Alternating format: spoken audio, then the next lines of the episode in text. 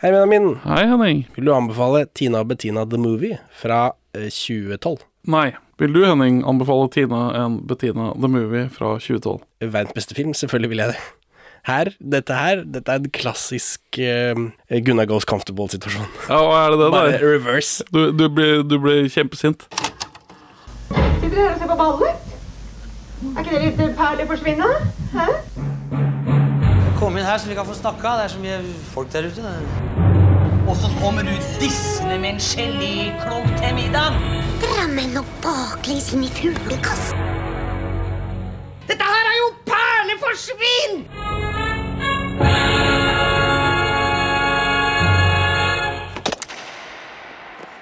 Velkommen til Perleforsvin, podkasten for deg som ikke visste at du alltid hadde ønsket deg å se Triana Iglesias påført Tomb Raider-kostyme gråte. Vi er to middelmådige menn i 30-åra som ser norske filmperler, og i dag har vi sett en virkelig filmperle i forbindelse med at eh, oppfølgeren eh, skal være på kino nå, hvis jeg klarer å klippe dette til tida. En såkalt belated oppfølger, vel. Det er vel eh, Det er jo Hvem ønsker elleve år Ja, det lurer jeg på, men altså Hvorfor? nå- du liker jo ikke den filmen. Jeg tror at den har noe å si, så jeg håper at oppfølgeren også At grunnen til at de lager en oppfølger, er fordi de har noe å si. Men har det ikke vært noen pressedekning hvor de sier hvorfor de gjør det? da? Eh, er bare i karakter, og det er liksom håpløst. De trenger penger, sier de, men det kan hende det stemmer for eh, de mennene bak Tina og Bettina også. Ja, ja, hva annet er det de har gjort siden, egentlig? Eh, Odd Magnus Wilhelmsson gjør jo både det ene og andre, prøver seg da. Det Ja, var den siste Ikke noe å le av, eller hva faen heter det den koronafilmen til eh, Petter Ja. Næss, hvor alle fikk korona, og det liksom var krise. Blant annet. Eh, og uh, skuespill. Jeg har faktisk sett han i et one man show. Oi, hvilken da? Eh, Pappas porno eller noe sånt noe. Jeg husker ikke helt navnet. en er noe- knockoff av uh, My Dad Wrote a Porno? Uh, nei.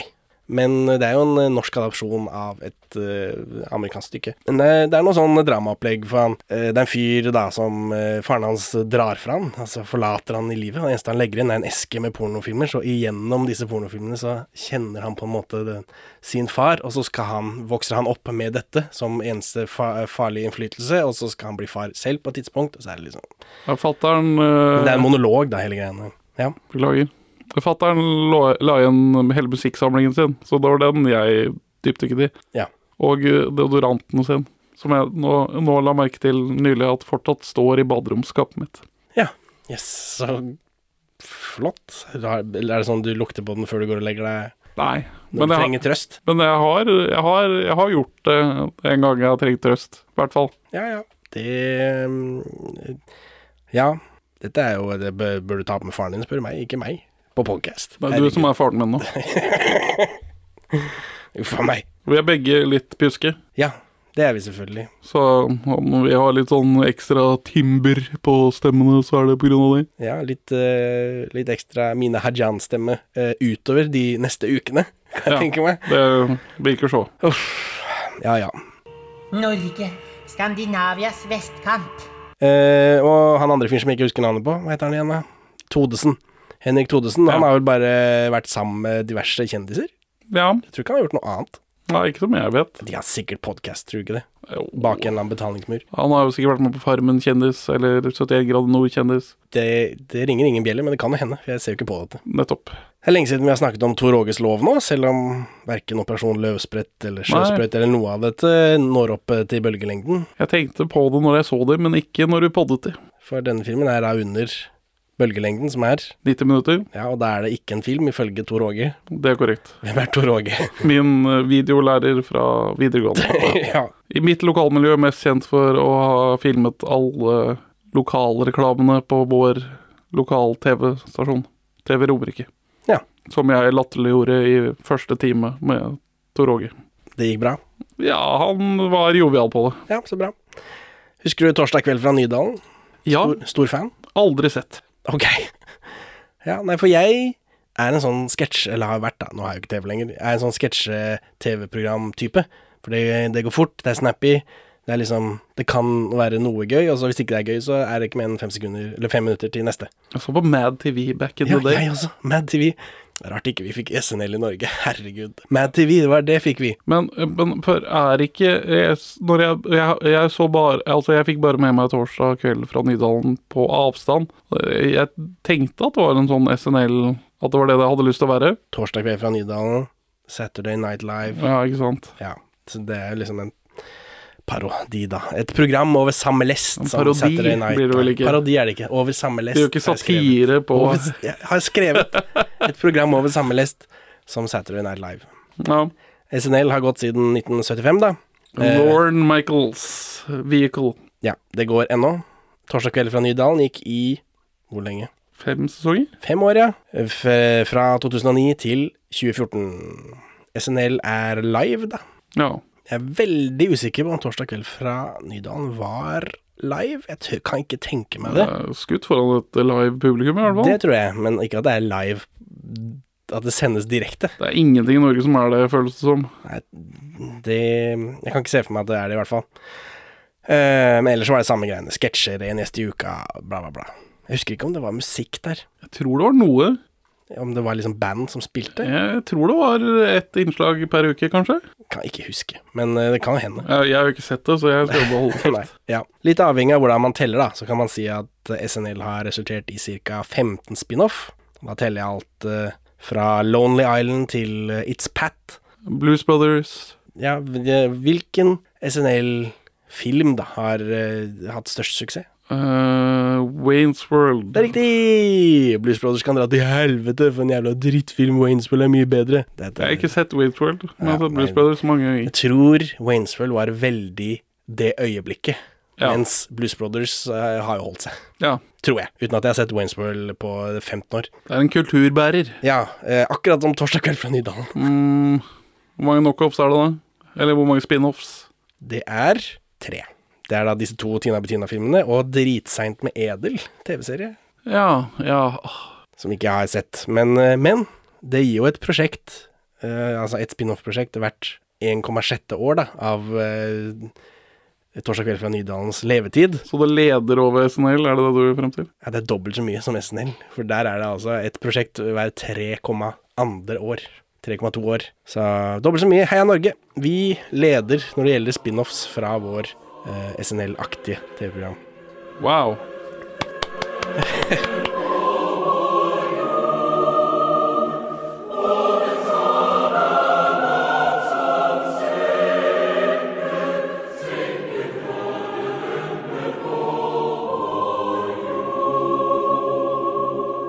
Men ja, altså, jeg, jeg er òg en fyr som liker en god sketsj. Men det er ikke så ofte jeg går til norsk TV for å få de. Nei, Jeg vet ikke om jeg engasjerer meg i sketsjer lenger, men jeg husker som barn så var det liksom lett å fordøye. Eller ungdom. Sikkert helt opp i 20-årene også. Jeg, jeg, jeg delte på videre, min videregående sin fellesstasjon på nettverket. Så delte jeg diverse sketsjer, siden jeg var en sånn sketsjenedlaster. KLM. Ja, og jeg, jeg delte den derre verdenshistorien til raske menn, og den gikk Ja, jo som en farsott gjennom min skole etter det. Ja, men Det var gøy. Raske menn har jeg sett live fordi jeg syns det var gøy. Men uh, om det er gøy ennå, det vet jeg ikke. Oi, Hello! Ja, fantastic boat. Jeg kan den uten at det òg, tror jeg. Ja. Hvis jeg graver langt nok tilbake i hjernebarken. Men sånn, det er ikke så lenge siden jeg og Kajsa så Brødrene Dal den første serien, og det er langt mellom de gode vitsene. Ja, det er jo det. Hei, jeg heter Tina. Og jeg heter Bettina. Og dette var videoblogg! Har du sett denne filmen før? Nei. Jeg så den på kino. Hvorfor skulle jeg det? Jeg så den på kino sammen på- med min daværende samboer, som øh, Jeg og henne hadde ikke noe felles Vi hadde ikke noe felles, punktum. Eh, Nei. og heller ikke i Utdanning. Ha, eh, ja, utdanning hadde vi, men vi hadde heller ikke liksom i filmsmak eller noe sånt noe. Så dette var en hennes pikk. Og jeg ble positivt overrasket, Å ja. Du, ble, husker jeg. Ja. Fordi det ble ikke du hadde ikke et forhold til Tina Bedina før du gikk og så filmen? Nei, jeg hadde jo sett de, da, men uten at jeg kan huske at jeg engasjerte meg noe i de. DJ Dan. DJ Dan er også en annen karakter fra Torsdag kveld fra Nydalen. Han Ringer også- verdens svakeste bjelle. ja.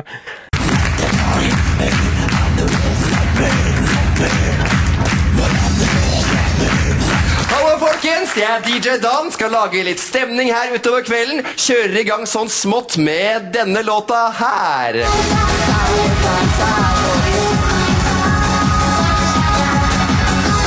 Det blir sendt ut småflasker med Bacardi Razz rundt i lokalet. Jeg pleier å drikke den kald.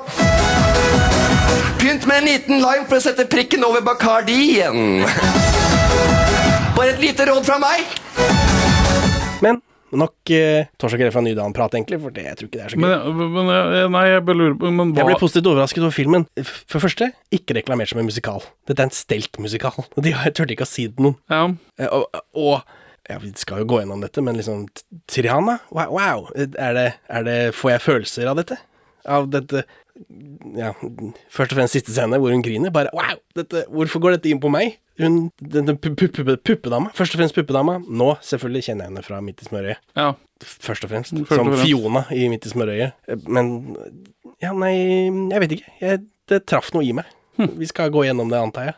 Ja, for, for, for meg så blir dette sånn Arve Oppsal har vært med i en revysketsj, og den, folk ler litt høyere når han fremfører den på Spydeberg lokalteater.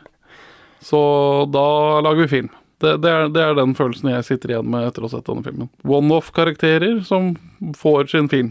Ja, nei, jeg føler at dette er på en måte vår generasjon, altså du og jeg, vår Ja. generasjons parodi på generasjonen under oss. For vi er ikke sånn vlogg-vloggefolk, wow og den gjengen der sånn. Det er liksom fem, syv, ti år under oss, føler jeg at det, det er den gjengen. Å, det var mye, mye blogging på mitt trinn der jeg bodde. Jo, men ikke den der hallo-bloggen, pynte-influencer-typen. Men Akers, Akershus er jo litt lenger frem enn Østfold. Altså, det tar jo litt Kan jeg, men altså, de som har lagd denne filmen, har ikke det føles som om de har et eh, eh, At de ser ned på de som eh, Ja. de parodierer her, da. Jeg føler ikke at det er samme generasjon. Jeg føler at, vår, at dette er vår generasjon som lager film, og generasjonen under oss, og vi skal plage de på en måte. Og samtidig Eller det er Jeg føler at det ligger over, da. Det er jo den der booken her, hvor de har med den der vlogg-greiene. Men samtidig så føler jeg at det er mye sånn stikk til hvordan det egentlig er å være på ungdomsskolen. Ja, For det, det var mye av det jeg har gjenkjenning på, tror jeg. ja, Mye av det ubehagelige, egentlig. ja. Og det, og det er jo bra at jeg føler noe. Ja, det er sant. Det er sant. Så, som sagt, jeg ble positivt overrasket da jeg så det. Første gang på kino, bare wow, her har den der eh, kjerringa jeg bor med, faktisk valgt en film jeg vil se også. Selv om jeg selvfølgelig var utrolig negativ når jeg ble dratt med inn på det. Ja. Og sånn er det. Skal vi ha, se på film? Har vi sett film? Skal vi snakke om filmen vi har sett? Jeg gir den åtte av ti perler. Nei, det var en parodi. eh, Humor. Jeg vet ikke. Ja, skal vi snakke om filmen vi har sett? Ja. Eh, Tapperluft. Yes, du så det du òg. Jeg så det, jeg. Ja. Hvem er det, da? Eller hva er dette? Uh, filmselskapet til en fyr. Det er helt riktig. Det er ofte folk som eier filmselskaper. Tappeluft er jo en by i Alta. Det er Tommy Wirkolas eh, filmselskap. Og han også. De lagde mye piss på den tida her, altså mye ymse.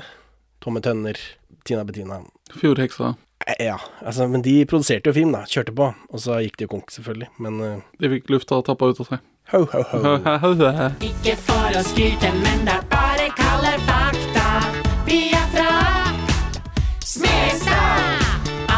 andre steder lukter det polakk av. Åh, åh, åh. Vi driter i hvor du bor og hvor du er fra. Hvis du ikke er fra Smestad, du er loser, nerd, hore. Hvis du ikke kommer herfra. Åh, du åh. Tappeløf-film, ja. Jøssenammen har jeg skrevet. Så koselig. At de liksom eh, får til noe som jeg får varme følelser for. Ikke du, da, men Ja. Så zoomer vi ut fra verdensrommet. Og helt inn til Smestad. Det begynner med spesialeffekter. Hva syns du? Overbevisende? Ikke, ikke helt, men ble, det er vel ble noe. du tatt inn i filmen? Nei. Så får vi se Tina og Bettinas videoblogg. Gjenkjennelse. Har du sett dette før? Altså Ja, det bare i forbifarten. Aldri satt Altså, for disse karakterene, de appellerer ikke til meg. Jeg skjønner hva de driver med, men det er ikke sånn at jeg bare gapskratter av to menn i fjortis jentegemytter. Ja, nå Jeg skal ikke si at jeg glemmer det. at de er to menn. Men, eh, men jeg tenker ikke på det. Ja, men det er, det er, det er liksom det Jeg er, overbeviser jo aldri, men jeg, liksom, men jeg blir tatt med Ja, du- på reisen. Jeg er jo eh, positiv til dette av en eller annen grunn.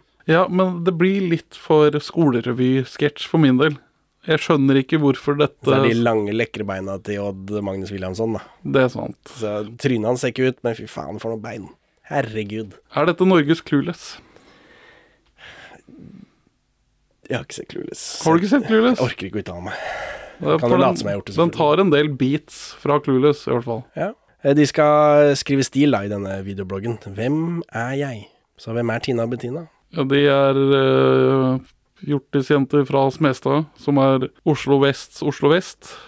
Ja, det, eh, det Bettina er smartere enn Tina, men underlegen henne. Ja, Det er den viktigste relasjonen eh, de har. ja de Og så er de bestevenner samtidig, da.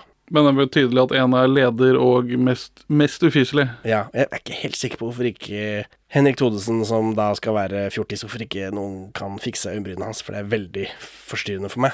Jeg tror det er ingen 14-åring på hele Smestad som har det greiene gående. Han var vel kontraktbundet til å beholde øyenbrynene pga. en annen film. Okay. Eh, Ja, men da skulle de jo brukt noen kroner på CGI bort øyenbrynene hans. Man, man hadde ikke kommet så langt med ansiktshår CGI da som under Justice League? Nei. Nei. Man hadde kanskje heller ikke kommet så langt med ansiktshår CGI under Justice League. Nei, det virker som det var et problem der. Men ellers, hadde det ikke vært for det buskete greiene der, sånn, så tror jeg kanskje han kunne over- overbevist en kvinne, i motsetning til Odd Magnus Wilhelmsson, som har det mest maskuline ansiktet jeg har sett. Han Som er rart. Ja. Det, det maskuline ansiktet Jeg vet ikke mm, Han har sånn Benedict Cumberbatch-tryne. Sånn som blir kåret til uh, hottest man of the century eller noe sånt nå. Og så syns alle menn at det var et rart valg. Og så syns kvinner at jo, han, eh, han liker jeg. Ja. Men grunnen vel til at han er den underlegne, er vel fordi han er brunette, da, mens hun er blondine. Er det det? Ja, jeg- De sier ikke noe om det i teksten. Det står ikke noe om det i teksten. Nei, men i liksom underteksten så er jo blondiner er jo kremen av sånn airhead-fjortis. Jeg ser for meg at det er noe hierarkisk der. Ja. At hun er den peneste fordi hun har dette mest ettertraktede traitet. Kanskje, men hun, er jo også veldig aggressiv. Ja.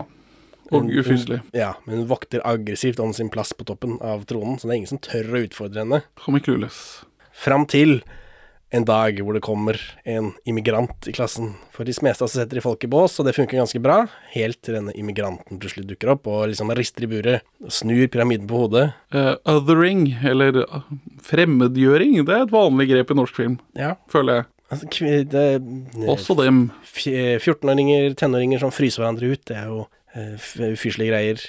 Det er et tema, ikke sant? Og nå kommer filmens første musikalinnslag om å være rik og bo på Smestad. Og her bare wow! Da er jeg i kinosalen bare Hva er dette? Har jeg blitt lurt med på en musikal? Her får vi se masse, masse random damer som ikke finner ikke noe på dem. Vet ikke hvor de kom fra, vet ikke hvorfor de er med her. De spiller jo jenter, da, men eh, eh, Og Else Kåss Furuseth, som helt tydelig er en nerd. Ja. Eh, og så er det Aula-samling. Her møter vi Bjørn Gustafsson, som er en random svenske, da. For det må alle norske filmer lagd etter et sted på 2000-tallet ha. Men var han med i selve programmet? Nei. Nei. For det tenkte jeg. At han Han var var- en returning character of some sort. Han var sammen med en norsk komedien, som nå er sammen med han ene i By og Rønning, som alle hater på Twitter. Ja. Men Så han eh, eksisterte i Norge, antar jeg. Han heter Bjørn Gustafsson, da. eh, som jeg tror er det samme som han som spiller Alfred Emil, så, men det er ikke samme person. Ja. Nei. Hallo, hallo. Velkommen til nye og gamle elever til Smestad ungdomsskole. Tusen takk for det. Eh, Mari Maurstad er rektor, hurra. Alle norske Ja, jeg- filmer bør ha minst én Maurstad. Enig. I hvert fall om det er Mari. Ja, og så er det noe D-Juice-produktplassering. Er veldig aggressiv D-Juice produktplassering. Absolutt. Eh, Trygve Hegnar cameo. Ja. Også i tiden, da, I guess, eller? Det er bare, Han er en sånn riking-type, så Ja. jeg tror han er med i noe Brødrene Dal her òg, jeg, som riking. ja. Han også, Mot i brøst, antar jeg, han er med som riking. Han har også skrevet en bok om uh, mannen og radioprodusenten produsenten Tandberg, så bare dårlig kan han ikke være. Nei, nei, altså, om han er god eller dårlig, det vet jeg ikke. Han har jo mer penger enn meg, så jeg antar han er et dårligere menneske enn meg også. Det er sant. Eh, og han blir jo vagt referert til i en Olsemann-episode. Eller Olsemann-film. Ja. Ja. Vagt. En Uten, uten at de bruker navnet, så snakker de om en som er en finansmann som har startet en avis. Ja. Det ringer en bjelle i grøten av Olsenbanden som bor i hjernen min for evig og alltid. Jeg tror det er den hvor de er på 17. mai. De kommer inn Ja. Stortinget etter 17. mai. Eh, men nok om det. Herregud. Nok om det. Så er det Moods of Norway cameo. Ja, det, det, det er vel det som er mest ute av tiden her. Det og eh, disse syngefolka. Hva heter de? Madcon. Ja, Nei, Madcon Og så er det noen Justin Bieber-referanser. Madcon har jo hatt noen hits eh, relativt nylig, mens Moods of Norway gikk fra å være the shit altfor, altfor lenge til at bare blir bare forsvinner bare totalt. Eh, ja, men jeg tror også Fatter'n var sånn Moods of Norway-type. Kanskje like greit at han dro, si. Hei, yo. Traktortryne. Uh, ja, men så er, er det noen sånn Justin Bieber-plakater rundt omkring, og det, vel, det tror jeg ikke tenåringer driver med lenger. Tenåringsjenter. Jeg tror det har beveget seg forbi det. Men dette er jo en film som er festet i tid. Ja. Den trenger ikke å være tidløs, Nei. tror jeg. Eh, ja. Men Trygve Hegnar, he bladet hans finnes fortsatt. Um, D-Juice finnes fortsatt. ja, ja, og, Spørsmålstegn. og hekkeli, hekkeløperen eh, Kristina Vukovsk er jo like aktuell i dag. Ja, men sånn navnehumor har jo kanskje gått litt Ha-ha, vi kan ikke uttale navnet greier. Det er vel blitt litt lengre mellom. Ja, men hun har jo et, eh, et navn som ikke jeg klarer å uttale, som du hørte. I tillegg har vi fått en ny sprintlærer. Hallo, Kristina Vukotsikomakovic.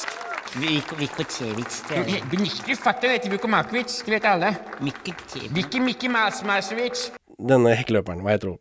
Kristina Vucevic, tror jeg. Ja, hva, hvor ble det av hun? Eh, De kvinneknær varer ikke så lenge. Jeg er jo Ref min mor. Ja, altså Hun står mye på knærne. Nei, hun var sånn idrettsberte i gamle dager. Jaså. Til hun blæsta knærne. Og så har, det, og så så har jeg nylig lest om forskning som tilsier at eh, kvinner er mer utsatt for å skade knærne eh, rett før og under menstruasjon. Og det kanskje er grunnen til at de har en høyere tetthet av kneskader enn det mannlige idrettsutøvere har. Ja.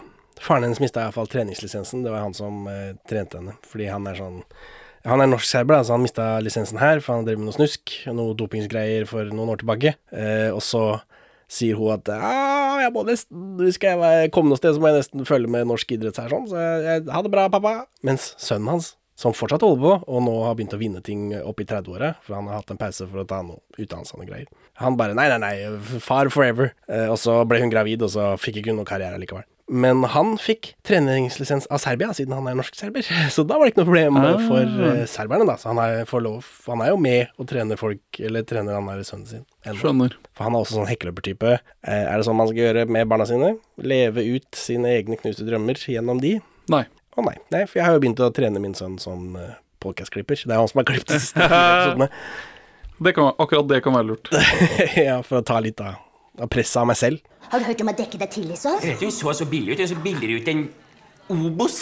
Ja, eller Ikea. Billigere enn Billigkroken på Ikea. Ja, billigere enn D-juice. Eller stemor til Julianne.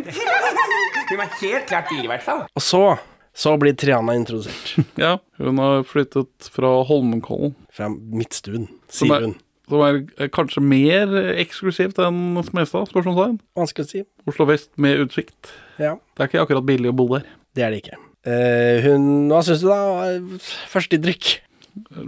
Triana er pen. Hun er superhot ifølge filmen, da. Hun blir introdusert i slow motion, liksom. Hun er vel generelt sett kjent for å være superhot. Eh, Ja, hvis ikke du kjenner henne først og fremst som Fiona i eh, Midt i smørøyet. Ja, hun hadde en rebrand etter at hun ble myndig. Hun er vel mer kjent i, som voksen enn som barn. Ja, det antar jeg. Hun Det- breaker mer som voksen. Ja, det tror jeg. Forskjellen Men, er FHM, liksom. jo, men her Dette er jo eh, 100% riktig bruk av henne. Ja. S- eh, hen, av henne, image og det hele. Og så viser det seg at hun er ikke så dårlig heller. For det Midt i smøret også, jeg merker meg at hun er mindre klein enn de andre, men det er jo fordi hun spiller en karakter. De andre bare er seg selv, og det blir ofte litt kleint. Hun sier hun er fra Midtstuen, da, som er et plottpoeng. Eh, og så Han ene fyren fra Kollektivet spiller emo. Hva heter han? Han som spiller parterapi. Han, han er jo mer kjent Ja. for det, kan jeg tenke meg. Ja, han har blitt For, for meg så er han alltid han fyren fra Kollektivet. Men eh, Ja, for det, det er norske sketsjer jeg setter pris på. ja, for jeg kan huske at det var et poeng for meg å få med meg Kollektivet, uten at jeg husker så mye av Jeg, innholdet. Jeg har kun sett det per internett, men jeg, det kollektivet traff meg, traff meg der uh, Torsdag kveld fra Nydalen ikke gjorde. Jeg får huske jeg så på det, og tenkte jeg wow, nye ansikter. Hvor er Harald Eia? Har han sluppet tømmene? Ja, Og Bård Tufte Johansen og all den der den uh, 90-tallsgjengen, da, som på en måte var blitt for gamle for meg. Husker jeg, da. Men, uh, men det får være en annen episode. Minken Fossheim er læreren deres. RIP Minken. Rip Minken. Eh, De går tiende, siste året da på ungdomsskolen, disse Tina Bettina, og nå også Triana. Bettina får jobben om å vise Triana Iglesias rundt på skolen, og da liksom Kall det bonde. Triana smører henne vel eh, med komplimenter, eh, og så får vi vite at svensken har fingret alle i klassen Fingring var veldig viktig på ungdomsskolen, var det ikke det? Det, det føles som det var viktigere enn puling. Eh, det, det var ikke så mye fingresnakk på min skole, men jeg, jeg noterer meg at det er et tema i, an, i andre ungdomsting. Ja. Fingring, second base. Jo, men jeg husker at liksom før folk begynte å pule, før liksom For nå, du og jeg som er voksne, som vi har jo ligget kanskje både to og tre ganger før, så det er liksom vi For nå er det ingen som snakker om fingring lenger, nå er det liksom puling som står på, for, for nå ligger folk med hverandre. Men før vi kom til det punktet hvor det liksom var vanlig å ligge med hverandre, så var fingring det var helt utrolig viktig. Ja, Det var et viktig tema. Det var mer snakk om fingring enn liksom puling, jeg føler var- jeg, da. Men det er tydeligvis at vi har annerledes Ja, eh, jeg- opplevelse av ungdomsskolen. ja, jeg var i et fast forhold fra og med høsten i 9. klasse, så Jo, men det var jo andre folk, da, som, eh, som også Å, fingra den og den på jeg tror, jeg, tror de, jeg tror ikke de turte å snakke om fingring foran meg, og den viriliteten jeg gikk rundt med. Ja. Det er iallfall en gøy observasjon av filmen, Ja. som traff meg igjen, da, som ikke treffer deg. Kanskje det er enda et ankepunkt til hvorfor ikke denne filmen treffer deg. Fingring. Fingring. Så er det en ny videoblogg. Jentene skal ha halloweenfest, og Tina tvinger Bettina til å si at Triana er en hore. Ja, med, med det vekten på hore. Ja. På min ungdomsskole var Berthe det verste du kunne kalle en jente. Yes. Og det, det jeg prøvde å finne ut av om var en faktisk greie noen andre steder, om det, eller om det var bare et helt sånn Men var dette lokalt- Lillestrøm, eller før du flytta? Dette var Lillestrøm. Jøss. Berthe, det var liksom øh, verre enn hore, liksom. Ja, nei, det har jeg aldri hørt. Hore. I kantina så kaller Triana Tina en megabitch, og sier hun ser ut som en 30 år gammel manneludder. Morsomt. Her vi sitter to 30 år gamle manneludre. Ja, ja, du er gift, da, jeg, det jeg, så jeg er teknisk sett et større manneludder enn deg. Jeg lever jo i hor. Ja. Nytt musikkinnslag, og dette syns jeg er Det konkurrerer om å være det beste. Synnøve-unionen. Tar over den dritten her regjerer kantina. Altfor bussy til å blogge løs på datamaskina. Jævla megge skal få kjenne at min ord er min slegge. Og er du lydig, kan du bli min kjæledegge. Ned på kne, for Synnøve Risnes er i sonen. Kjeften på deg, ingen snakker til meg i den tonen. Endrer hele gamet. Og regjerer over tronen når Oslo vest blir døpt om til Synnøve-unionen. Tar over den dritten herre. Og jeg pisser på en sinna liten dritt som hun Tina. LOL, jeg hadde ledd høyt om den bitchen der daua. Og har hun noe imot meg, kan hun ta den i Uranus, solsystemets syvende planet, den kommer vi til utenfor ringplaneten. Ja, denne, dette, dette, dette er det sterkeste musikkinnslaget for min del, i hvert fall. Ja. Det er ikke så mye å si om det. Det er bare Triana skal ta over hele skolen, liksom. Og det er og harde beats. Og noe problematisk bruk av øh, noen tyske arkivbilder, tror jeg. Ja, hvis ikke det er noen russiske greier. Det er jo, liksom, det er jo Sovjetunionen de spiller på, men det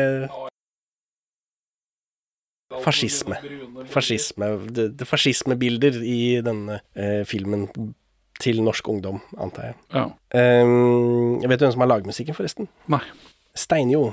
Ja, jo, det, når jeg tenker meg om, så burde jeg kunne se hans klamme fingre. Men, eh, men jeg, jeg liker det. For denne her syns jeg er god, og så er den litt lenger ned. Jeg har merka meg som veldig god. Sånn bare jeg syns de er kule å høre på, på en måte. Men så følger de De har jo en funksjon i filmen også, i motsetning til mange andre norske musikaler som to vi nettopp har sett. Ja.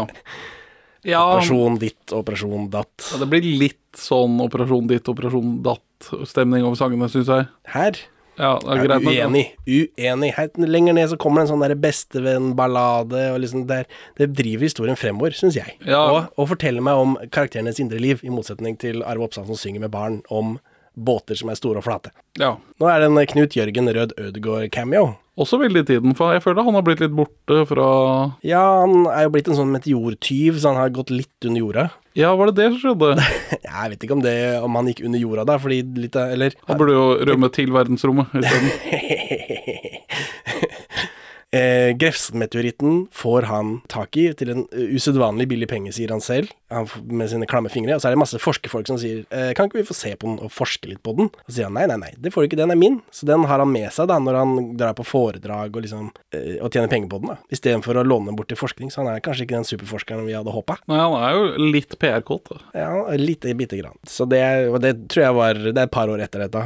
Denne meteorsaken. Men han var liksom med i alt i en periode. Ja, for han ser jo veldig rar ut, og prater veldig rart. Og er veldig engasjert. Man liker engasjement. Ja, men Tenk om han uh, har en dårlig dag, da, så orker han ikke å være engasjert den dagen. Og så går han på TV og bare ja, han er noe månedritt, da, men det liksom Ja, det skjer ikke før om 400 år neste gang, men det er jo hver eneste dag så er det et eller annet som ikke skjer før om 400 år, så du trenger ikke å engasjere deg i akkurat den månedritten her. Det kommer noe i morgen òg, liksom. Tenk om han hadde har en dårlig dag, ikke fått kaffen sin. Det er Niklas av Silvestedt, den mest erfarne gutten på hele skolen. altså. Erfarne? Ja, Han har fingra alle i 10C. Tilbake til filmen. Triana fryser ut Tina og dermed også Bettina, for de henger jo sammen, på en måte. Triana tar sakte, men sikkert over alle disse andre random damevennene deres, da. Mora til Tina og faren til Else Kåss Furuseth drar bort i denne halloween-helga. Eh, faren til Else er Per Ingar Helge Gimle. eh, Ingar Helge Gimle, ja. Ja, Per var litt overflødig. Aldri nok eh, navn på Ingar Helge Ingar Helgar Gimlarg. Som nå var i pressen med å ha fått seg 17 år yngre kjæreste. Å, ja, det har jeg ikke sett engang. Jøss. Eh, men han er jo også ganske gammel, så hvis, det er en, Hun er, hvis hun er 40 Hun er 49, så Ja, det blir liksom ikke like stort. Herregud. Norges mest hårete mann, Det, det er korrekt. bortsett fra på hodet. Bortsett fra på hodet. Absolutt blå mandag. God film. God film. Eh, at dette, den halloween-helga er også bursdagen til Else, da. Og Else er jo veldig, veldig stusslig. Hun må bli hjemme alene på bursdagen sin, da, siden faren drar bort. Eh, det er trist. Jeg får vondt av denne karakteren. Ja, hun Går hun innpå deg? Eh, litt. Men eh, ja. For, for her er det, det er gjenkjenningen. Det var jo sånne barn på ungdomsskolen. Vi Ja. var jo ikke noe, jeg, jeg, vi, var jo ikke noe snille mot de. Nei, jeg identifiserer meg ikke som mobber. Men det var én fyr i klassen min som bare var så nevemagnet at der var det et par ganger jeg ble med. Fordi det var, for, det var vanskelig å unngå, liksom. Jeg fikk jo nedsatt i oppførsel pga. sårende kommentarer til elever og lærere. Så Oi! Oh. litt mobbing har det vært. Men, Ja. eh, men ikke noe fysisk, da, men det, det skjærer jo enda hardere. Det, eh, det psykiske sårene er jo mye større enn de fysiske. Jeg tror, noen, jeg tror noen bærer nag til deg den dag i dag? Eh, det kan jo hende, men da er jeg i så fall på en lang liste, for det var jo sånne hakkekyllinger. Ja. Uh, altså, den ene nedsatte karakteren var på grunn av en veldig spesifikk situasjon. og der var jeg bare én på en lang liste. Ja, skjønner. Så sånn er det. Her får vi se da at Else Kåss Furuseth og Tina er naboer. I en visual gag, det regner jeg med å sette pris på. Ja. Uh, Tina prøver å få oppmerksomheten til svensken, fordi hun er så kåt på han, da. Mens han er bare opptatt av Triana, naturlig nok. Han, for det, dette er han som har fingra alle. Ja. Det burde, så burde det ikke være så veldig vanskelig å få oppmerksomheten hans. Uh, nei, men nå sitter vel han ved siden av, Tina, ved siden av Triana, da. Ja. Og dette mannetrynet til Tina kan ikke konkurrere med Triana Iglesias. Og jeg får en sånn fantasisekvens med svensken i bare trusa og Triana Iglesias i undertøy. Men dette er en fantasi som Tina har og får orgasme av. Ja, det skal vel være noe humor på noe sånn seksuell forvirring, eller at det er usikkert hva hun egentlig vil. Nei, det, jeg fikk ikke ved dette. For meg så er dette et feiltrinn av en scene. Ja. Vi Det må sånn- ha en fantasiscene hvor hun eh, er litt naken. Det, vi må få Triana litt naken. Herregud, hun er med i filmen her. Og så er den eneste som er i scenen til å observere og ha denne fantasien, henne, som jo hater henne. Altså Tina som hater Triana. På dette det- For hvilket år er dette? 2012? Ja. ja. På videregående så var en kompis av meg eh, på utplassering i en fotobedrift. Til, I en sånn Triana Fotobedrift. ja, Noen som jobber med Ja, fotograf. for det hørtes ut som du sa fotobedrift. Da tenkte jeg hva er dette for noe? Ja. Men ja, det er jeg med. Det, er, man får nok mange treff om man søker på sånn fotfetisj-side på Triana, tipper jeg. Det kan nok hende. Fortsett med historien. Uh, uh, så han var sånn produksjonsassistent på en sånn Triana photoshoot til et eller annet manneblad. Så han har sett hennes labia i levende liv. Ja. Gratulerer. Ja, takk. Eller- Jeg vet ikke. Det, bare, det tenker jeg på når jeg tenker på Triana. At eh, Da vi hang gutta sammen 17 år, så var, kom han ene en dag og bare Det har skjedd noe stort. Jeg er blitt voksen. Føles litt barnslig sånn i ettertid, men men, ja, men det, blir også en rar sekvens, da, siden disse karakterene spiller barn. Ja, tenåringer, vet ikke, tiende klasse, da er vi oppe i 12-13. Ja, Er vi ikke det? 14 man, Noen blir vel 15 i 10. klasse. Jo. Ja, for det, etter det Ja, ok. Ja, nei. Så det er litt sånn lavalderproblematikk ute og går, da. Ja, men de er jo også he helt tydelig spilt av menn i 30-åra, så det er liksom Ja. Jeg tenker ikke noe på det. Jeg var mer opptatt av hvem er det som ser dette? Hvor kommer dette fra? Et, men jeg tror de prøver seg på at humorpoenget skal være at selv om hun hater henne, så har hun likevel litt lyst til å ligge med henne, men ikke har det oppe i liksom Ja, men det kommer ikke tilbake. Det kommer ikke tilbake. Hun sitter jo, når, på vei ut av fantasien, så sitter hun og råfingrer. Ja, mens hun hun får orgasme av, det, av denne fantasien. Hun sitter jo og råfingrer, altså klipp til lyd av råfingring.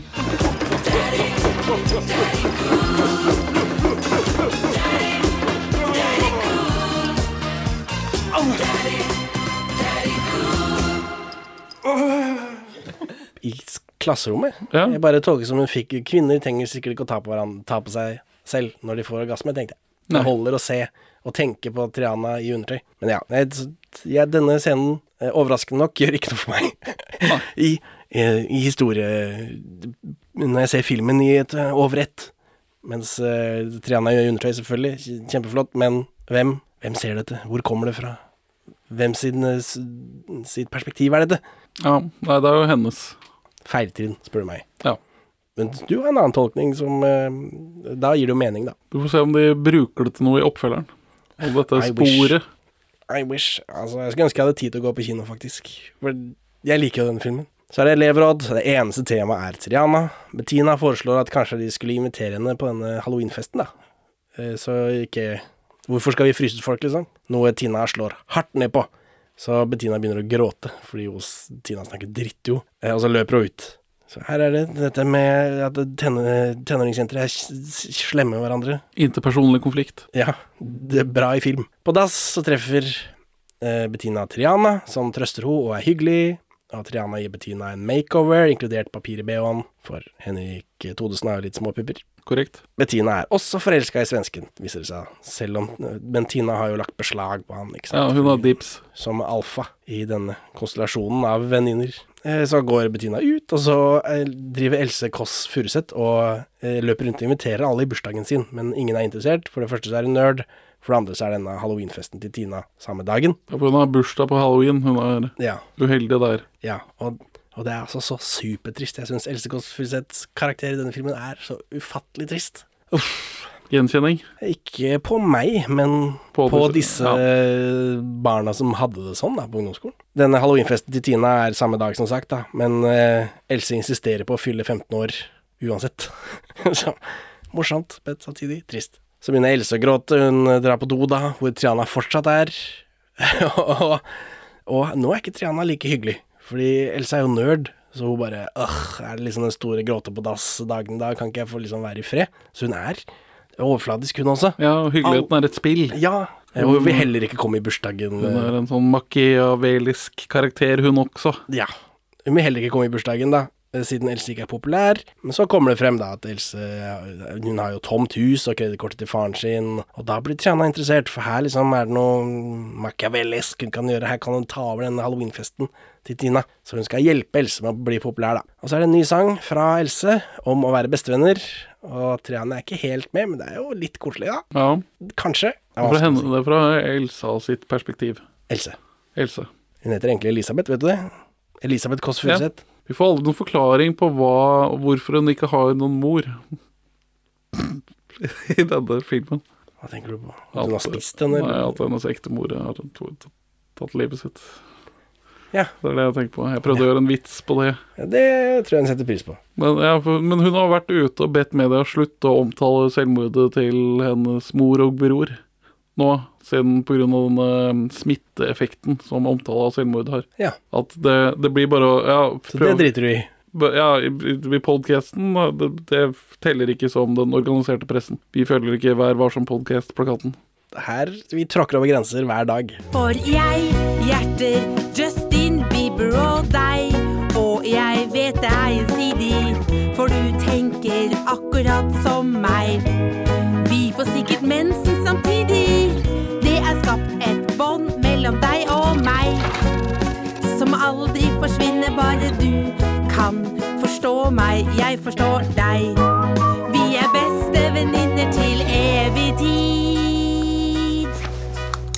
Så er det halloweenfest fødselsforberedelser. Eh, Triana og Tina snakker dritt om hverandre, om mensen og sånt noe. I det hele tatt så er det mye mensenhumor i denne filmen, og det er vel ikke for mye mensenhumor i norsk film? Nei. For det er Litt lite, vil jeg si. Ja, det er jo mange menn da som skriver dette. Nå er det menn som skriver dette også, men uh, Triana er utkledd som Tomb Raider. Uh, Eh, og nå må vi være spesifikke her. Altså Vi som har vokst opp med dette. Dette er jo da film Tomb Raider. Dette Ja. er den drakta hun har på plakaten. Denne sølv... Sølvdrakta, ja. Som ikke er den riktige Tomb Raider for min del, men det ja. For du har jo møtt selveste Jeg, jeg har møtt ekte Tomb Raidere. Tomb Raider. Signert Tomb Raider-bilde hjemme på loftet et eller annet sted. Ja, Raider-type Tomb. En puppemodell på Spaceworld på eh, Må være på 2000-tallet, dette da. Ja, 2000, og, 2000 eller 2001, tror jeg det er. Ja. Så jeg fatter den i kø for å møte puppemodell. Kjempebra. Herregud. Men det var ditt forslag, eller var det faren din sitt forslag? Jeg tror det var en felles geskjeft. ja, men Hyggelig at dere har noe, noe til felles, da. Madcon skal spille på festen, da. eh, Til Triana, ikke til Tina. Vi får, heller, vi får egentlig ikke noe innsikt i denne festen til Tina, for det virker som det bare er en helt vanlig hjemme alene-fest. Ja. Sånn som vi hadde Nei, de har de, de sier det i ord at det er årets happening. Jo jo, men vi ser jo ikke noe happening. Det er jo bare potetgull i boller og liksom som vanlig. Ja, men Det er fordi ingen kommer på denne festen. Men du, du savner et sånt flashback fra tidligere sprø fester hos henne? Nei, jeg savner ingenting. Det er bare at det ser litt eh, mer stusslig ut. Det er en Madcon og full liksom, spritpakke som det er eh, hos uh, Triana. Ja. Eh, og så, så er, tegner de en strek i gata, sånn som de gjør i sitcoms. For liksom Tina setter streken her. Dette nå Hun har alle vennene på sine sider, selvfølgelig, for hun er fortsatt alfa. Så nå blir det her på festen min, eller så dreper jeg dere. Og, og strek, det, denne inndelingen kalles da Smestad øst og Smestad vest, Ja. som har videre spillet på dette vest-temaet. Og, men, Hun er, veldig, hun er opptatt av, like opptatt av himmelretninger som Ali G. Ja, men jeg, jeg tror de gjør et poeng ut av at det ikke er geografisk korrekt. At det andre er mer At Smestad øst faktisk er teknisk sett mer vest enn Smestad vest. Ja, ingen poeng for Ali G-referanse. Nei, nei, det er greit, vi går bare videre. Bojakasja. Hot kostyme, i Risnes. Måtte du langt ned i skapet for å finne østblokk-sløttklær? Godt observert, Tina. Hva er det som har skjedd med deg? Har du blødd gjennom, eller? Å ja, du har kanskje ikke fått mensen ennå, du. Eh, De random venninnene forlater Tina til fordel for Triana. De går ganske fort over den streken. Men Bettina slites mellom de to. Denne eh, venninnen hun har hatt helt siden barne, barnehagen, eller denne nye venninnen som faktisk er hyggelig. Ja. Men hun ender til slutt opp hos Tina, som abuser henne mer etterpå. God taktikk. Kjempebra. Det er jo, men det er sånn sånne abusere gjør, er ikke det? Jo. Eh, hun later som hun bryr seg om Bettina, men så klikker det for Bettina. Eh, så, så sier hun at ingen liker Tina, at de bare er redde for henne, og Tina begynner å dra i bh-stuffingen til Bettina. Nå er det full krangel, liksom. Og så truer hun med å fortelle dette på bloggen, at hun driver og støffer bh-en, og det er liksom krise da. Og så slapper Bettina Tina. Da-da-da. Og da dropper stemningen helt, og Tina kaster Bettina ut. Hva syns du denne krangelen her, har du opplevd dette? Ikke akkurat dette, da, men uh, at man har Har du hatt ja, Du har flytta rundt, ikke sant. Du har ikke hatt uh, barnevenner som på en måte har styrt over deg med jernhånd. Eh, det er vel Jeg har vel oftere vært i andre veien, tror jeg. Eh, barnevenner som styrer over deg med jernhånd, men som du er bedre enn. Å nei, det har ikke jeg opplevd. Nei. Jeg, det har jeg jeg- opplevd, vet du. Herregud. Eller ikke, ikke så gærent som her, da, selvfølgelig, men liksom, Eh, vi, eller vi jo. var jo Jeg hadde jo en nabo, jeg også, og når man er, bor i nærheten av hverandre, så må man være venner som barn. Ja. Og så var han mer dominerende enn meg, for jeg bare ja ja, whatever, hvis du har lyst til det, så gjør vi det, liksom. Og så kom man til et punkt i tenårene, da, hvor ikke dette passer lenger. Ja, ja. Ja, jeg hadde én kompis som mente at han var øh, veldig alfa, og så var han egentlig veldig tett i huet. Og det funka liksom ikke sånn i lengden. Nei, det, altså, min erfaring er jo før vi begynte med ord som alfa og whatever. Før vi Ja, ja, dette, dette på Men han var, han, var, han var i hvert fall veldig sånn på at han var en sånn sjefstype, liksom. Ja. Altså, men det, man blir jo mindre det når man snakker mye om det også. Ja, men så Ja, på et tidspunkt så liksom Ja, nå gjør vi dette. Og så tenkte jeg nei, hvorfor skal jeg det? Det virker jo ikke noe gøy i det hele tatt.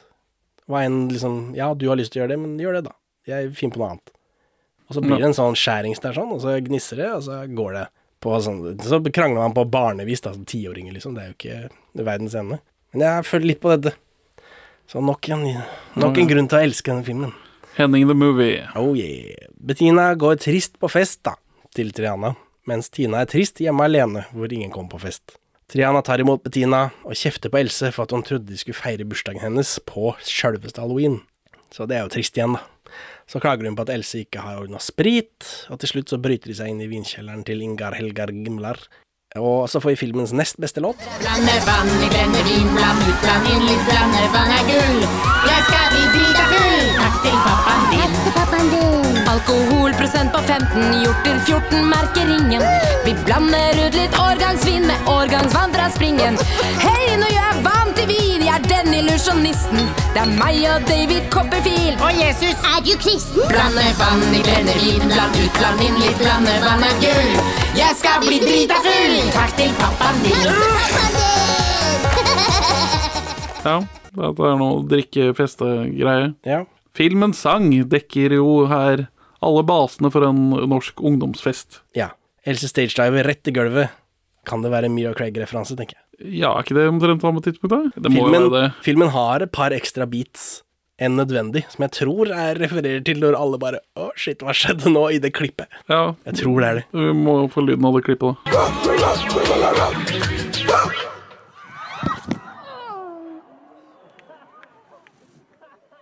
Uh, Bettina vil hjelpe Else, for hun har jo et hjerte av gull, egentlig.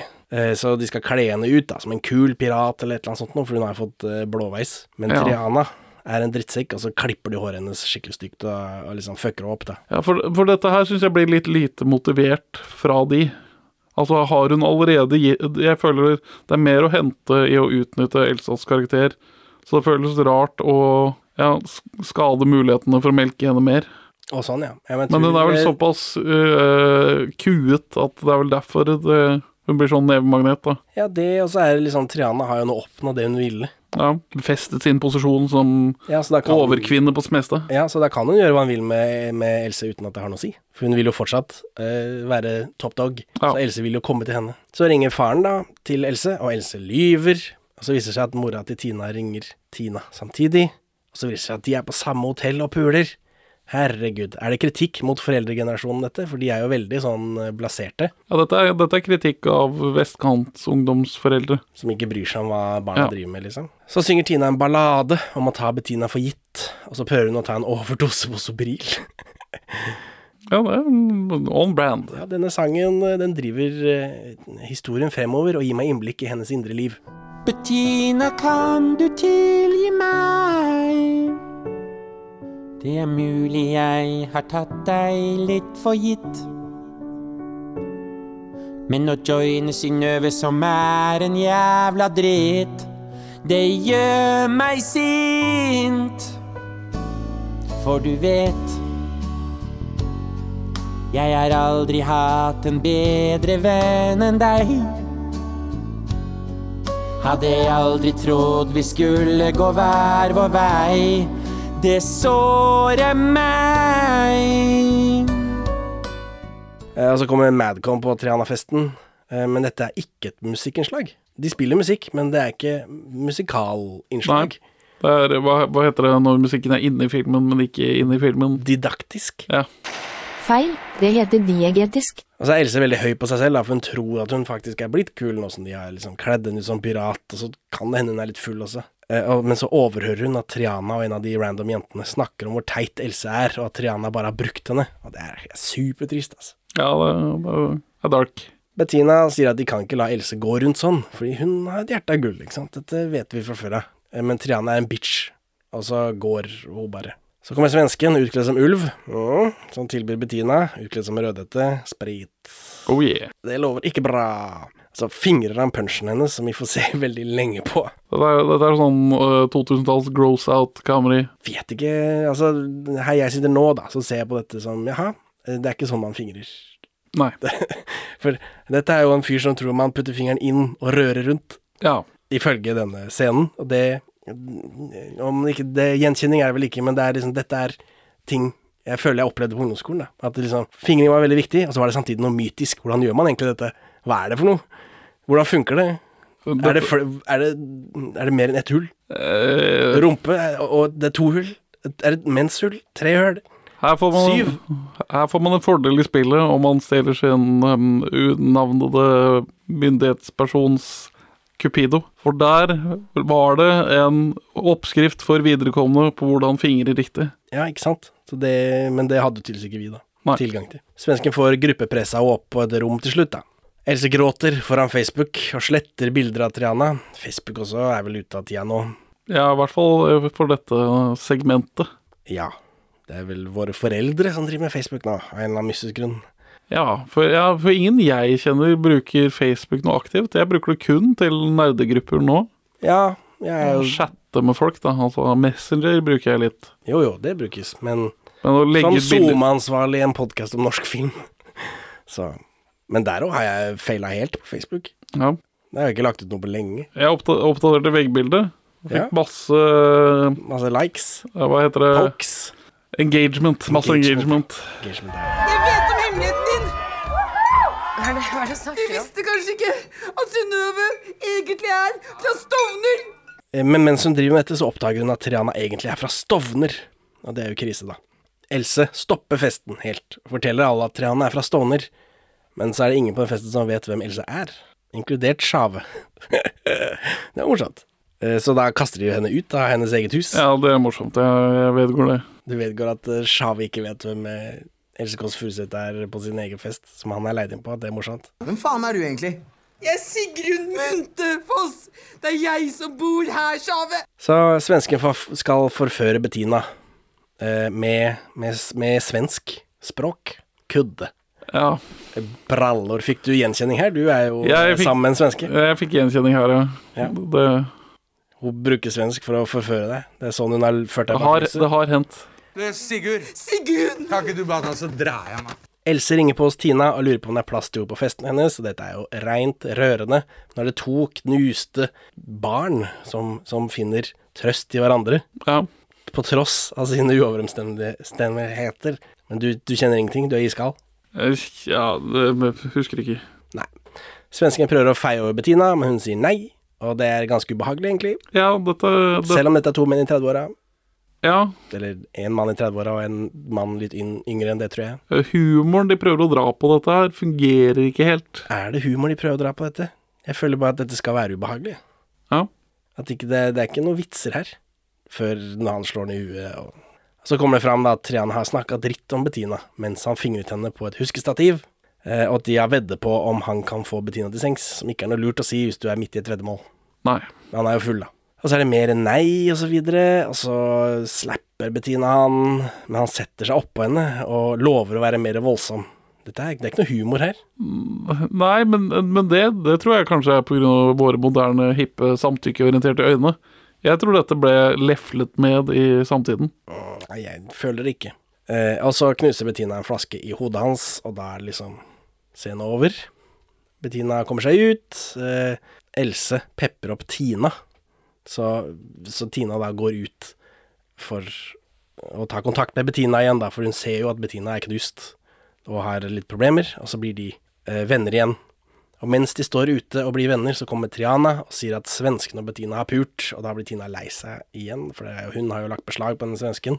Eh, Triana smører på, da. Alle hater Bettina, tøs, hore osv. Berthe. Berthe. Så dytter hun Bettina ned på bakken. Triana, altså. Ja, så inviterer Triana Tina på fest nå, for nå skal de rulle hele vestkanten. Så hun, eh, hun har noe sånn Ja, jeg vet ikke. Makavelisk. Ja, hun driver med faenskap. Men Tina snur seg mot Triana og kaller henne en hore. Ja, virkelig. Ja, og da blir det krig. Eh, og så kommer Else Kåss Furuseth inn med en ekte muskedunder. Ja. For nå er hun en ekte pirat, og så skyter hun i lufta. For det, dette er har rike folk ser for meg. Ja. Muskedundere hengende rundt omkring. Eh, og så bryter denne bloggefortellerstemmen inn. Eh, og vi entrer en fantasisekvens hvor det er krig i gata, og kuler og eksplosjoner og sånt noe. Alt er tegna, animert. Ja. Et kunstnerisk valg som kommer ut av ingen steder. Det gikk vel tom for budsjett? Det, ja, det gjør det selvfølgelig. Eller tom for måter å avslutte filmen på? Ja, tja. Men hva, sy syns du? da? Det går egentlig greit for meg, da, men jeg er jo på filmens side. Ja, men jeg skulle ønske det var satt opp lite grann, bare. Sånn som litt tidligere i filmen så ser vi at Tina kan tegne, eksempel. Ja, men jeg, jeg, jeg har jo tidligere kritisert komedier vi har sett, at, at de ikke ta, drar det langt nok. Og dette er jo Å dra det langt nok. Ja. Så jeg burde jo egentlig sette mer pris på det, sånn når jeg tenker over det. At det er gøy at de tar materialet til topp, da. Men det, det, det bookendrer jo også på en måte filmen ref at det starter med den øh, animerte sekvensen eh, hvor vi trekker inn på jorda. Ja, men det er sånn CGI Det skal jo være ekte. Se ekte ut. Mens dette er jo eh, tegneserietegning. Ja, og, men vi Så jeg jo tenkte vi- ikke på det i det hele tatt, denne åpningen på filmen. Ja, får Når vi- jeg så dette. Får vi, vi Ja, for eh, Triana ble også kjempestor. Ja, hun ble et kjempe tegneseriemonster som er fem meter høyt, og kveler Tina til døde. Og så kommer for- fortellerbloggen inn og sier at eh, det var visst bare vannkrig, da. Det var jo ikke så alvorlig. Og tilbake i virkeligheten etter denne vannkrigen, så sitter Triana, Tina og Bettina på gata, og Triana leverer her en følelsesladd tale, syns jeg. Om hvor slem hun har vært da, hvor vanskelig det er å begynne på en ny skole når alle bare ser kroppen din og ikke den du er, og Dette er jo noe! Ja, dette, dette er noe. Jeg, Jeg tror at de som har skrevet dette, vil noe. Eller? Ja, de, de Ja, jo. De har poenger. Her har de Ja, det nå, Triana Iglesias er ikke med i all verdens av film, men tenk å bruke henne på den måten her, da. På helt riktig måte. Det er sjelden vare for norske skuespillere, ikke minst kvinnelige norske skuespillere. Ja, det er korrekt. Ja, men det, flere tanker om denne kampen, tegneseriekampen. Ikke noen tanker om denne følelsesladde gråtescenen. Nei, før vi, før vi tar og se Triana. Iglesias gråte i Tomb Raider-kostyme, gøy.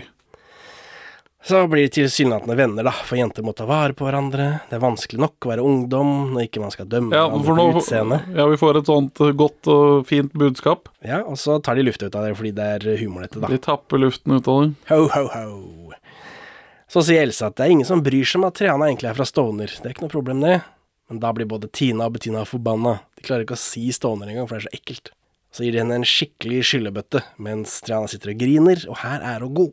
Triana er god, hvorfor jobber hun ikke mer? Eller hva har norsk film å tilby henne, egentlig? Ja. Hun leder jo Paradise Hotel.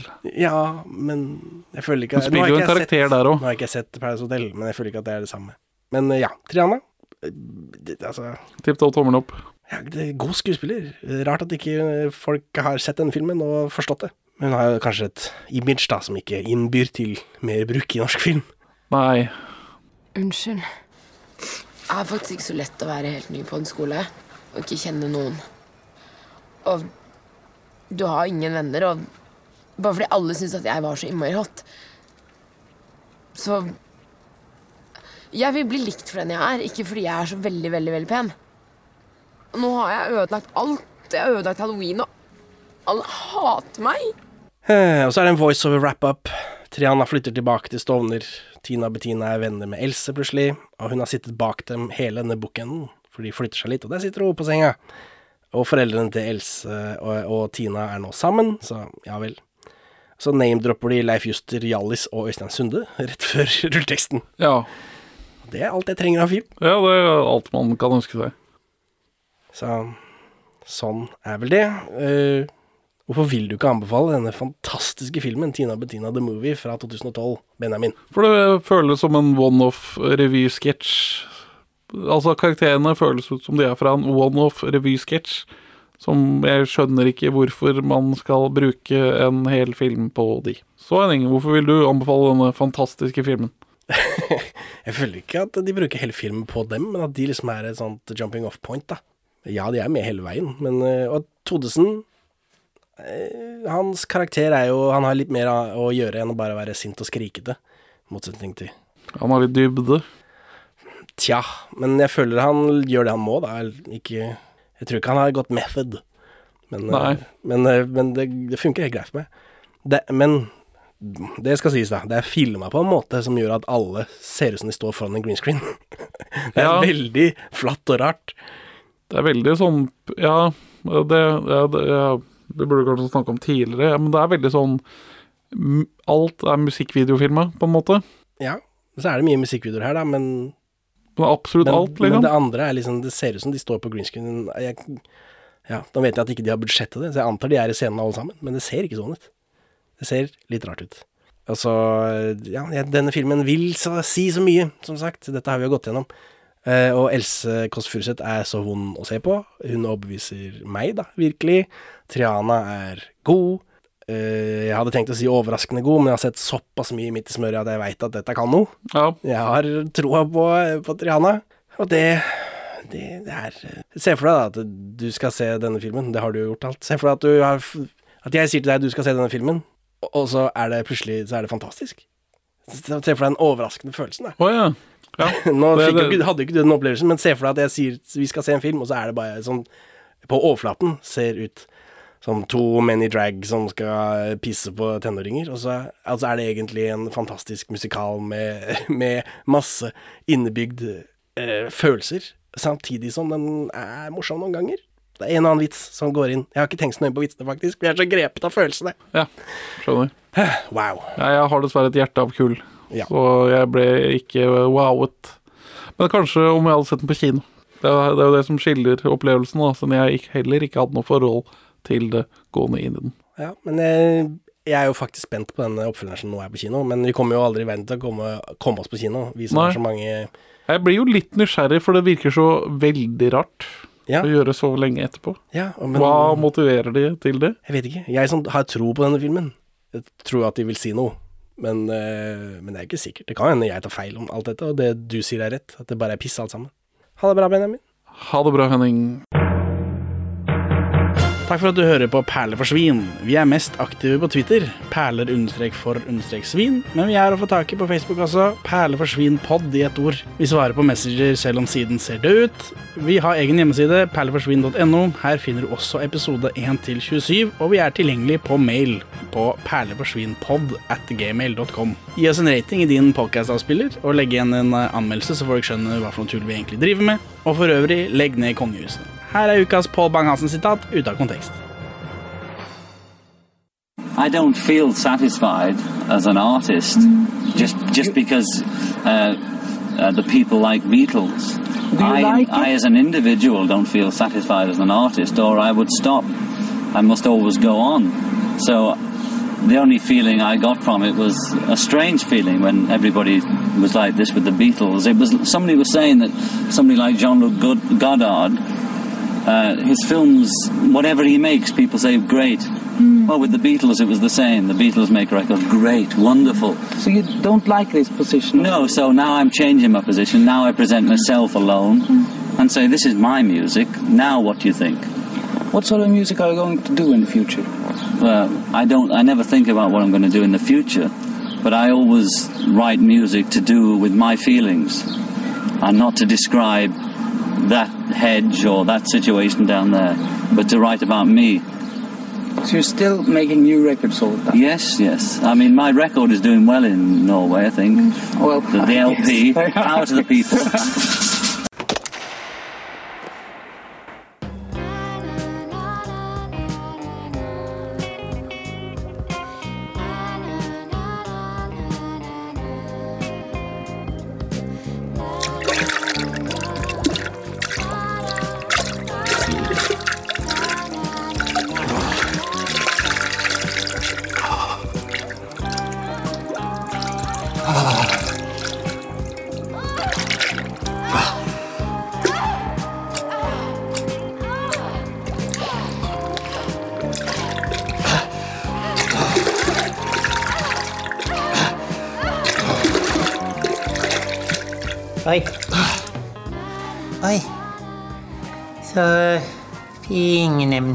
Jag vet inte.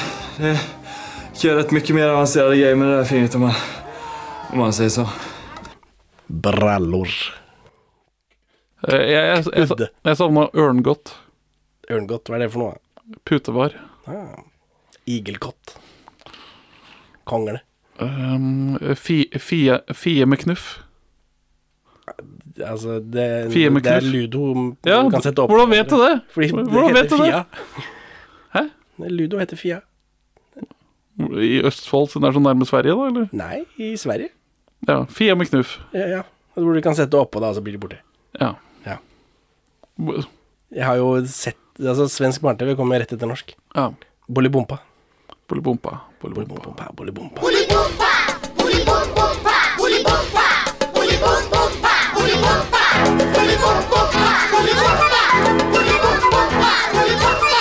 Bollibompa bolle, bolle, bolle, bolle, bollebomba. Har ni sett? Kanal 1. Jeg fant eh, Arne Bendiksen sier Marit på et tidspunkt i en av disse filmene, så jeg sensurerer med Marit. Med Marit? Så gøy. Marit. Uff. Men eh, så lenge vi ikke har det i podkastbeskrivelsen, for da ringer mutter'n meg. For det har vi brent oss på før. Det får være til de som faktisk gidder å lytte.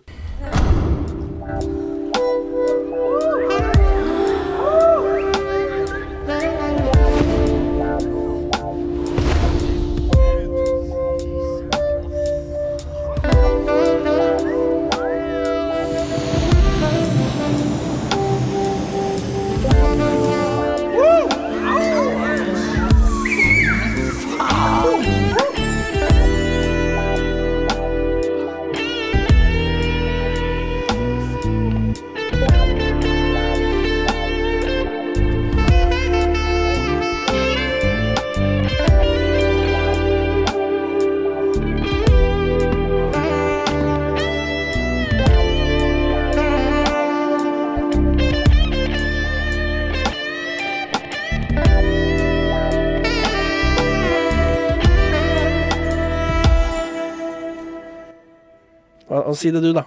Eh, Kristina Vucevic? Er det, ikke noe, er det ikke bare sånn rett frem, liksom? Jeg har ikke peiling. Det har jeg bare lest, og det ser ikke bra ut. I naturfagtimen på ungdomsskolen så hadde jeg bare lest ordet legering. Le legering, ja. Og da, det syns min naturfaglærer, som ikke var bare vikar og ikke ville være det, han, det, han festa seg på det, at da tenker man på legens rumpe. Han syntes det var kjempegøy. Ja, men du Så shama han meg. Men du har jo heller ikke klart å uttale analfabet. Analfabet. ja. Det er eh, episode i halen på Absolutt blåmandag, tror jeg. Ja. Ligger den. Hvor, du, hvor det går opp for deg at det ikke heter analfabet, men analfabet. Så den ligger på nettsida vår. Det betyr bare at man er svært belest. Ja. Det er positivt å ikke kunne uttale ord.